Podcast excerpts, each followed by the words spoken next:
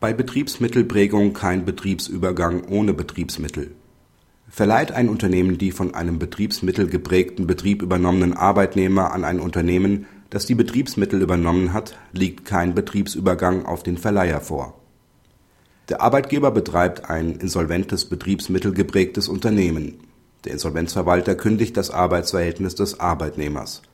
Das Betriebsgelände gibt er an den Eigentümer zurück. Noch am selben Tag nehmen zwei Unternehmen in denselben Räumlichkeiten mit demselben Geschäftszweck ihren Betrieb auf. Dabei nutzen sie die vormals vom Insolvenzschuldner genutzten Maschinen. Ein anderes Unternehmen hat mit einem Großteil der gekündigten Arbeitnehmer Arbeitsverträge geschlossen, nicht jedoch mit dem klagenden Arbeitnehmer. Die übernommenen Arbeitnehmer verleiht es an die Übernehmer der Betriebsmittel. Der Arbeitnehmer macht geltend, sein Arbeitsverhältnis sei auf den Verleiher im Wege des Betriebsübergangs übergegangen. Die Klage bleibt in allen Instanzen erfolglos einer identitätswahrenden Übertragung der wirtschaftlichen Einheit steht die fehlende Übernahme von Betriebsmitteln entgegen. Bei betriebsmittelgeprägten Unternehmen ist die Übernahme der Betriebsmittel unverzichtbar. Der Verleiher hat jedoch nur das Personal übernommen. Zudem verfolgen die Unternehmen unterschiedliche Betriebszwecke.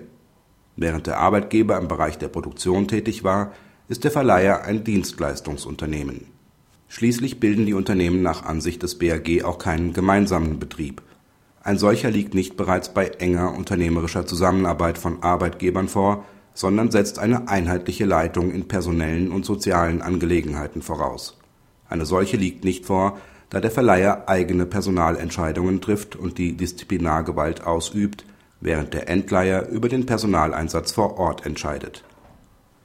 Praxishinweis Das BAG verneint zu Recht den Betriebsübergang auf den Verleiher. Vorliegend kommt allerdings ein Betriebsübergang auf die Unternehmen in Betracht, die die Betriebsmittel übernommen haben. Die beteiligten Unternehmen, die das Vermögen des insolventen Arbeitgebers, also Personal und Betriebsmittel, aufteilen, können einen Betriebsübergang also nicht vollständig ausschließen, selbst wenn sie ihr Vorgehen untereinander abstimmen